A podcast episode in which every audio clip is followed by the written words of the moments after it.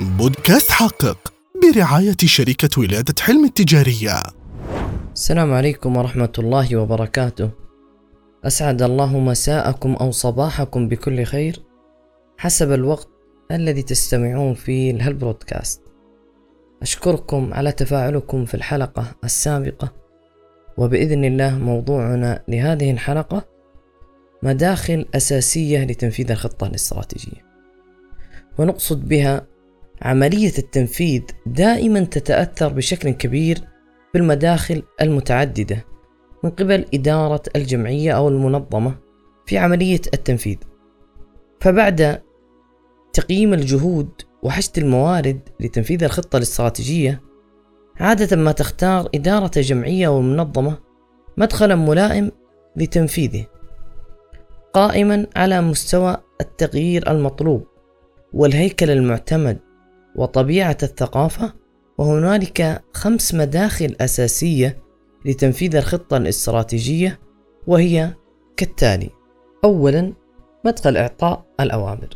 في هذا المدخل يبذل المدراء جهودا كبيرة على عمليات التحليل وصياغة الخطة الاستراتيجية وربما يطورون الاستراتيجية لوحدهم أو بإشراف فريق معين. وبعد صياغة الخطة الاستراتيجية يطلب من الموظفين تنفيذها وفق إجراءات محددة. ثانيا مدخل التغيير التنظيمي يركز هذا المدخل على كيفية جعل الأعضاء التنظيميين ينفذون الخطة الاستراتيجية من خلال استيعاب بعض التغيرات فيها وفي إطار المدخل تركز الإدارة جهودا كبيرة على الإدارة باستخدام آليات وأساليب سلوكية سهلة المرور نحو التنفيذ والوصول إلى الهدف. ثالثا المدخل التعاوني. في إطار هذا المدخل تطلب الإدارة العليا من فريق التخطيط صياغة استراتيجيات وإيجاد الآليات اللازمة للتنفيذ. ويلعب المدراء في إدارة هذا المدخل دورا تنسيقيا من خلال فهم آليات عمل المجموعة وكيفية مناقشة الأفكار في إطارها. رابعا المدخل الثقافي.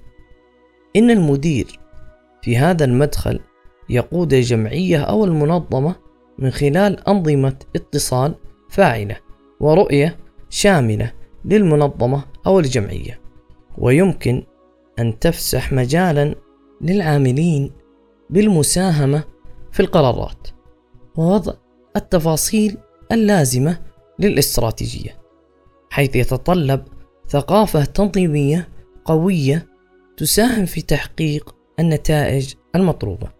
خامسا مدخل النمو والتوسع. فالمدراء الذين يعتمدون هذا المدخل يتنبؤون بوجهات النظر التي ترى أن عمليات الصياغة والتنفيذ يتماشان مع بعضهما لذلك ترى الإدارة أن واجبها لا يتجسد في التركيز على أداء المهام ولكن تشجيع الموظفين لتطوير وتحديد وتنفيذ روح الاستراتيجية بطرقهم الإبداعية. بعد أن تحدثنا عن مداخل أساسية في تنفيذ الاستراتيجية، راح نتحدث الآن عن كيفية تحقيق غايات وأهداف الخطة الاستراتيجية بواسطة اعتماد عدد من العناصر ومنها المبادرات. ما هي المبادرات وما مفهومها؟